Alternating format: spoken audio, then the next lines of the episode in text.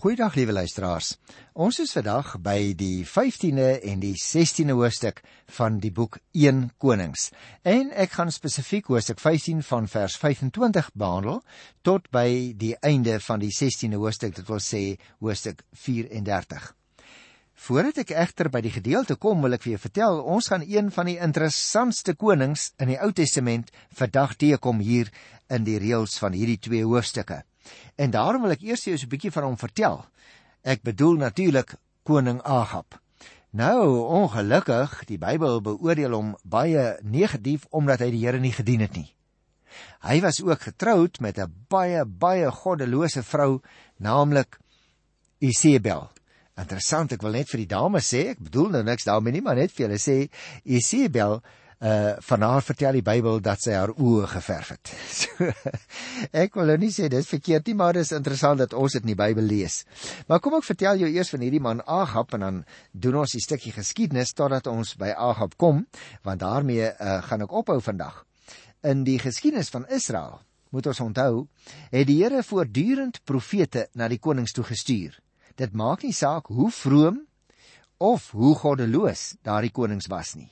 Hulle moes dan die konings raad gee. Maar terselfdertyd, hulle moes ook die konings se optredes beoordeel. Hulle moes daardie manne ondersteun, maar ook as dit nodig was, moes hulle die konings direk konfronteer. Byvoorbeeld, onthou jy nog, ons het dit behandel. In Nathan het Dawid so 'n persoon gehad wat kon ondersteun, maar wat ook op 'n dag vir hom wat Dawid was as koning kom sê: "Jy is die man, meneer die koning."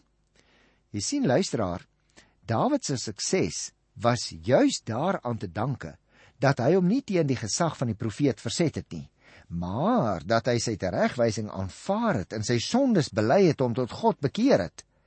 Agab het terselfdertyd ook die geleentheid gehad om hom aan die profetiese kritiek van Elia te onderwerp en 'n soortgelyke verhouding met hom te bou. Agab het egter Elia as sy vyand beskou wanneer Elia hom vermaan het, het hy hom verhard en daardeur ellende oor sy eie volk en sy eie huis gebring. Hy het Elia eerder verkwalik vir die oordeel van die Here wat hy moes verkondig. As en hoe jammer tog dat hy hom nie gestuur het aan die gesagvolle woorde wat die profeet in naam van die Here kom aflewer het nie. Nou hierdie Agab vir wie ons vandag gaan ontmoet, hy was vasgevang in die web van begeerte en van besluiteloosheid en die wil van 'n dinamiese vrou. Dit het hom verhinder om die regte besluite te kon neem. Hy kon baie kinderagtig optree as hy nie sy sin gekry het nie.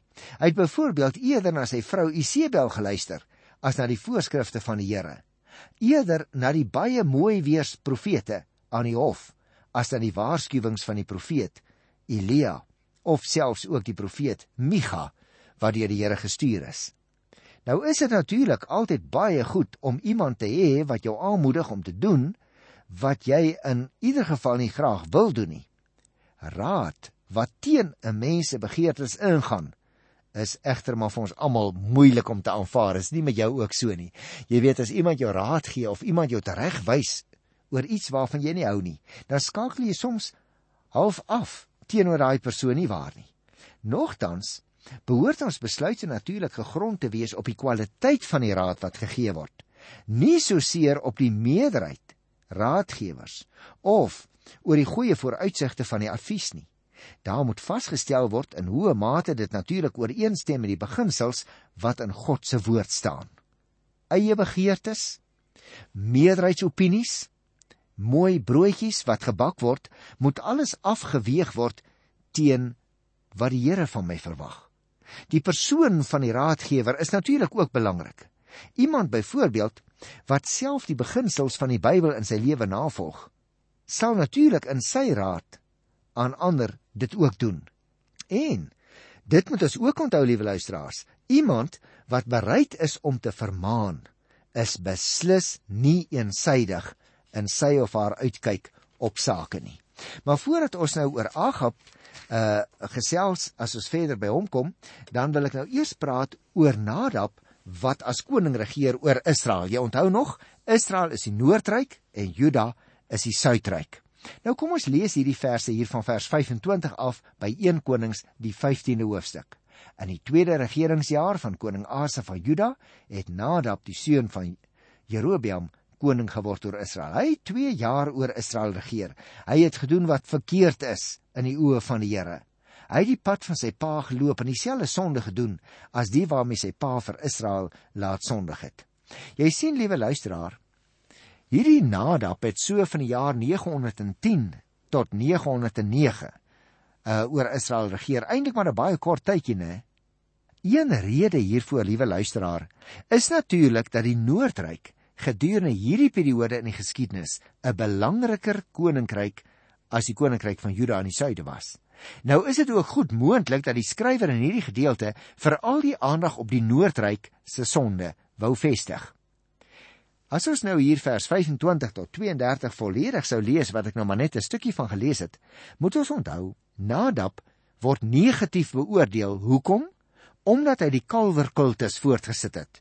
2 jaar na sy troonsbestyging het by Esau hom vermoor en die Jerobeam geslag is uitgeroei. Is dit 'n belangrike opmerking? O ja, want jy moet onthou, liewe luisteraar, Jerobeam was die ou wat in die Noordryk op die troon gaan sit het nadat hy as 'n vlugteling teruggekom het uit Egipte land terwyl in daardie stadium Rahabiam op die Suidryk gesit het. Ons moet net onthou, liewe luisteraar, dis eintlik 'n tragiese oomblik in die geskiedenis, want hierdie Nadab was die laaste persoon uit die Jerobeam geslag en nou is hy uitgeroei. Hoe? Volgens die uitspraak, die profetiese uitspraak van die profeet Agia.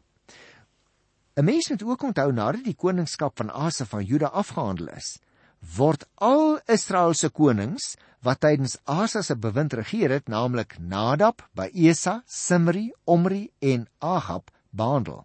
Daarom het ek gesê ek wil dit doen tot by die belangrike profeet van Ahab.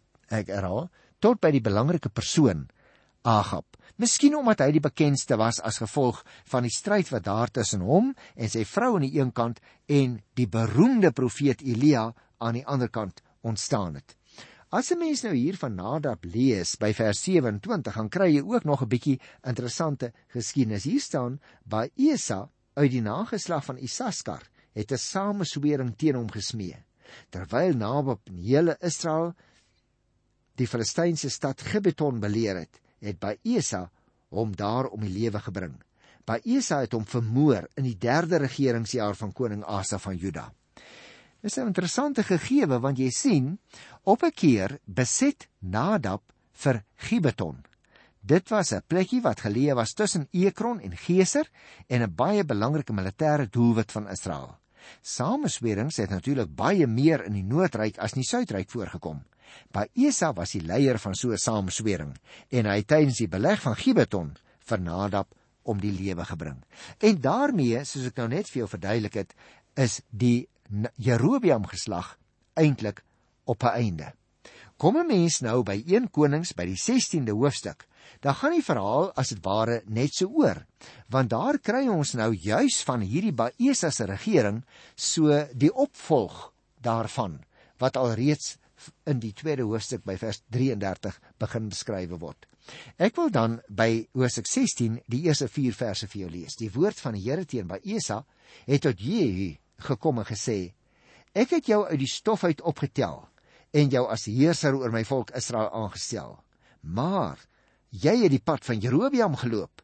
Jy het my volk Israel laat sondig sodat hulle my met hulle sondes uitgetart het. Daarom gaan ek ontslaa raak van jou en jou familie. Ek gaan met jou hele huis maak soos met die huis van Jerobeam die seun van Nebat. Die een van jou familie wat in die stad omkom, die honde sal hom opvreet en die wat in die veld omkom, die roofvoëls sal hom verteer. Is dit nie 'n vreeslike uitspraak wat oor hierdie man uh, uitgespreek word uh, in die naam van die Here nie? Ons moet onthou, liewe luisteraar, geen inligting bestaan eintlik oor Jehu, die seun van Ganani nie.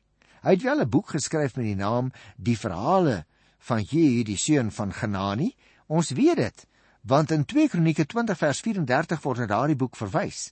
Die woorde herinner my sterk aan die woorde van Agia. Onthou jy nog? Die profeet Agia wat ons behandel het die vorige keer daar in Hosea 14 vers 7. Die skrywer lyk dit vir my luisteraar wou hiermee beklemtoon dat by Esa se huis deur dieselfde lot as die van Jerobeam getref gaan word en dat dit vooraf deur 'n profeet voorspel is. Soos Jerobeam is ook by Esa uit sy nederige lewensbestaan gelig en het hy uiteindelik as heerser van die noordryk aangestel. Interessant dat die Here hier sê my volk Israel. Waarop sou dit dui? Dit dui op die godsdienstige gemeenskap van daardie tyd. En hierdie gemeenskap luisteraars het die verbondsluiting ontstaan en moes dit gereeld uitgelewe word. Met ander woorde, as 'n mens dan nou deel van die geloofsgemeenskap wees, dan moet jy natuurlik ook doen wat die Here van jou verwag. Nou kyk ons verder na die 16de hoofstuk hier van die 8ste vers af, dan kry ons die geskiedenis van Ela wat die koning word oor Israel. Ek gaan dit net so 'n bietjie vir jou vertel, luisteraars. Uh, jy kan dit self in die Bybel lees van vers 8 tot by vers 14. Hierdie man Ela, Noordryk, Israel, hè, het hy geregeer.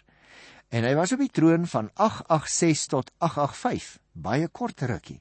En die evaluering wat na die inleidingsformule moes volg, ontbreek eintlik. Miskien lyk dit vir my vervul die verwysing na sy dronkenskap in vers 9 hierdie funksie. Terwyl hy by 'n drinkparty nou lees ons aan die huis van Arsa verkeer het, tref dieselfde lot as die van Nadab vir Ela. En sodoende is die woorde van die profeet Jehu wat ons in vers 12 gekry het in vervulling.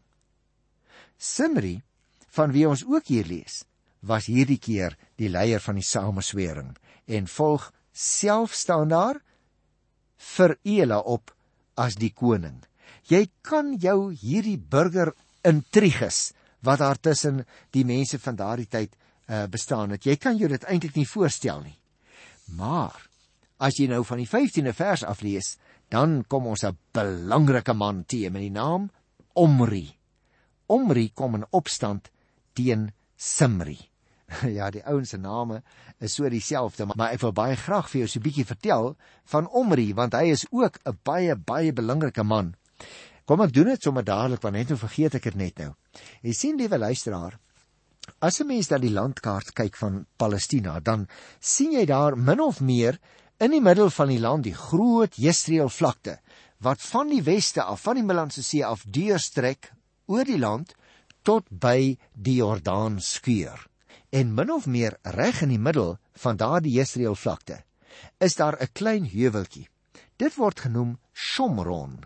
En Shomron uh beteken skouer in die Hebreëse taal. Met ander woorde, as jy nou daarso aankom, dan sien jy skielik my aarde hier staan dit as dit ware soos 'n skouer uit hierdie plat gebied van die Jesreel vlakte. Daarom is die naam daarvan Samaria, Shomron. Nou om een of ander rede was daar nooit 'n stad gebou voor die tyd van koning Omri nie. Nou wil ek dadelik sê Omri was 'n baie goddelose man hoor. Hy het glad nie die Here gedien nie, maar dat hy 'n baie goeie bouheer was, dit staan soos 'n paal bo water. En nou kom hierdie man in opstand teen die huidige koning, naamlik Simri. En nou lees ons daar by die 17de vers Omri en die hele Israel het van Gibeon af opgetrek en Tirsa gaan beleer. Nou wonder ek of ons altyd besef Tirsa was tot op daardie stadium eintlik die hoofstad van die Noordryk. Die 18de vers sê: Toe Simri bemerk dat die stad ingeneem word, het hy na die verskaanste deel van die paleis toe gevlug en die paleis so op hom afgebrand. Met ander woorde, hy is een van die min persone van wie ons in die Bybel lees wat sy hand aan sy eie lewe geslaan het. Want daar staan: so is hy dood. Dit was alles die gevolg van die sondes wat hy gedoen het. Hy het gedoen wat verkeerd was in die oë van die Here. Hy het die pad van Jerobeam geloop en dieselfde sondes gedoen as die waarmee Jerobeam Israel laat sondig het. Met ander woorde, in die gewone spreektaal in Afrikaans sou ons sê boontjie kry sy loontjie. Hy kry die straf op sy sonde. Hy verdien dit ook, sou ons wou sê want hy het nie die Here gedien nie. En tog, liewe luisteraar, moet ons nie te vinnig by hierdie man Simri wat hier voor omri vlug se lewe verbystap nie. Hy het die straf vir sy sondes verdien, so sê die Bybel. En nou gaan pleeg hy selfmoord en neem sy eie lewe. Ek sê ek wil 'n oomblik daarby stil staan want die gedagte bestaan soms onder Christus gelowige mense dat iemand wat selfmoord pleeg na die hel gaan. Weet jy die Bybel sê dit nêrens nie.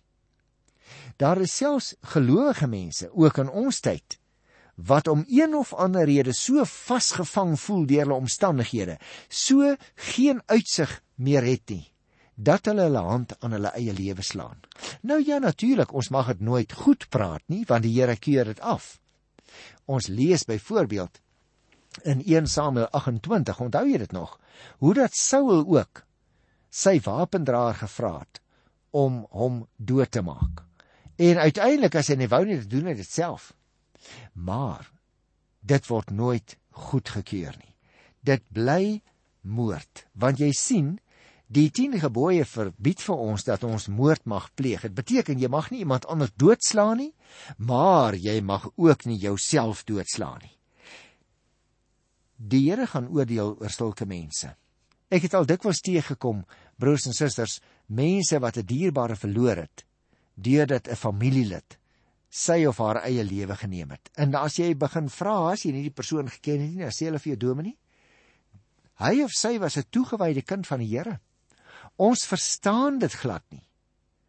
Nou wat sê jy nou? Jy kan nie sê die persoon is verlore nie, want die Here Jesus sê in Johannes 10 vers 28, julle is in my hand en ek gee julle die ewige lewe en niemand sal julle ooit uit my hand ruk nie. Wat jy wel verseker kan sê op grond van die inligting wat ons in die Bybel het is daardie persoon word die Here se ongehoorsame kind, hy word die Here se stout kind. Maar goed, kom ons kom terug na ons teks toe. Hierdie Omri het dan hierdie man agterna gejaag en so het Simri sy hand aan sy eie lewe geslaan. En eers dan kom ons by die stukkie geskiedenis waarmee ek vandag wil afsluit, naamlik die van Ahab, die koning van Israel. Ek wil dit baie graag vir jou lees. Ek is hierso by 1 Konings, die 16de hoofstuk van vers 29 af. Ahab, die seun van Omri, het koning van Israel geword in die 38ste regeringsjaar van koning Asa van Juda. Ahab, die seun van Omri, het Israel 22 jaar uit Samaria geregeer. Ahab, die seun van Omri, het gedoen wat verkeerd was in die oë van die Here, meer as al sy voorgangers. Dat hy voortgegaan het met die sondes van Jerobeam, die seun van Nebat, was nog die minste. Hy het ook met Isebel, onthou jy ek het aan jou net nou van haar vertel. Hy het ook nog met Isebel, die dogter van koning Etbaal van die Sidoniërs getrou en die god Baal begin dien en hom aanbid. Hy het 'n altaar vir Baal opgerig in die Baalstempel wat hy gebou het in Samaria. Ahab het ook 'n gewyde paal opgerig en hy het meer gedoen om die Here die God van Israel uit te tart as al die konings van Israel voor hom. In daardie tyd het Geel van Betel die stad Jerigo opgebou. Toe hy die fondamente daarvan gelê het, het hy sy oudste seun Abiram verloor. En toe hy die poortdeure gehang het, het sy jongste Segub gesterf. Dit was in ooreenstemming met die vervloeking wat die Here deur Joshua die seun van Nun uitgespreek het. Nou ek wil baie graag so 'n bietjie met jou daaroor gesels luisteraar, want daar kry ons nog baie interessante inligting. Na die gewone inleidingsformule wat ons hier gelees het in vers 29. Luister weer net 'n oombliekie daarna. Agab, die seun van Omri, het koning van Israel geword in die 38ste regeringsjaar. Met ander woorde, dit is die gewone inleidingsformule wat ons hier kry. Maar dadelik daarna volg die kritiese evaluering.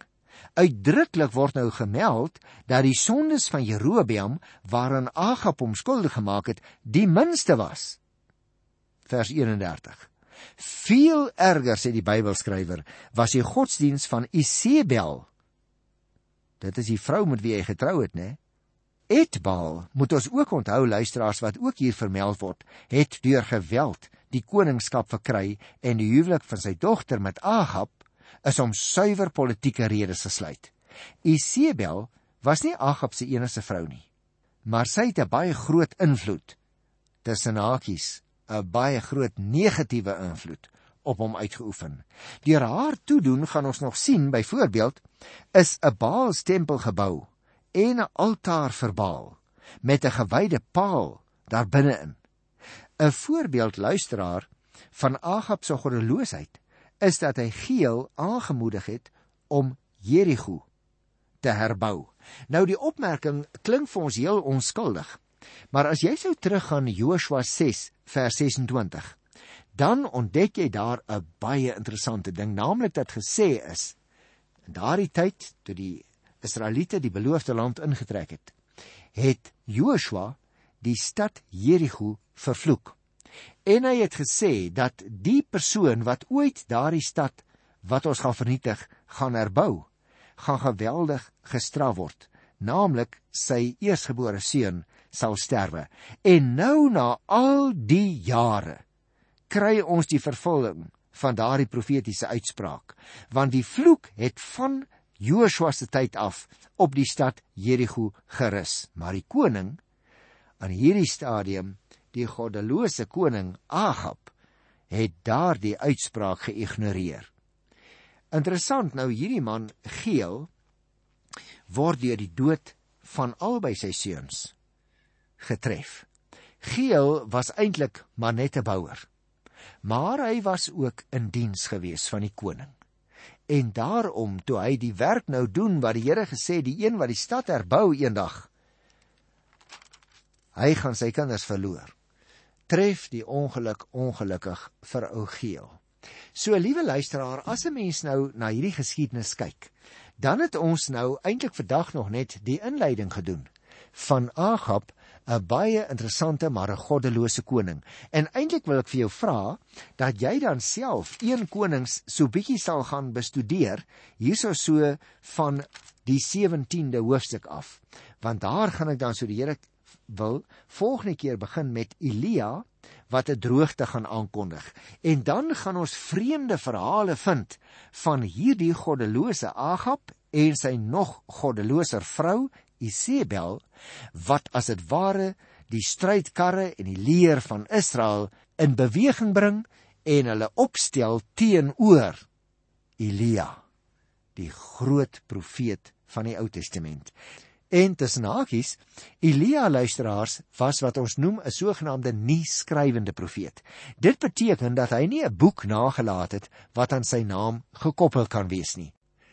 Miskien uh, moet ek net vir jou sê dat ons almal mooi kan verstaan as ons nou hierdie nie skrywende en skrywende profete vir mekaar noem dat daar 'n uh, eh, gewone indeling gemaak word. Nou mense kan dit op verskillende maniere doen, maar aan die een kant is daar die nie skrywende profete. Ek gaan hulle nou los vir vandag en dan is daar aan die ander kant die skrywende profete. Maar die skrywende profete kan ook weer onderverdeel word. Daar is die sogenaamde groot profete, Dit is nou Jesaja, Jeremia en Esegiel en dan is daar die 12 klein profete in ons Bybel van Hosea tot by Maleagi.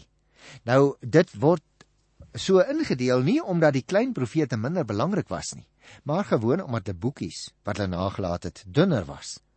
Die groot profete het dik boeke nagelaat en is nie noodwendig dat uh, net een persoon daaraan gewerk het nie. Vat nou byvoorbeeld die beroemde profeet Jesaja.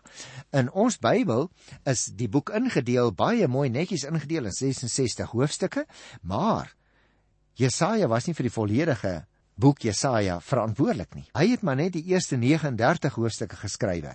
Die latere gedeeltes, die middelgedeelte eintlik het in die ballingskap ontstaan en dan hierso so van Hosea 56 tot 66 het eers ontstaan nadat die volk terug was uit die ballingskap. Maar ek gaan nou so die Here wil vir jou volgende keer uh meer oor van hierdie profete begin vertel want die nie skrywende een is Elia. Ek groet jou in die wonderlike naam van die Here Jesus Christus ons koning. Tot volgende keer. Totsiens.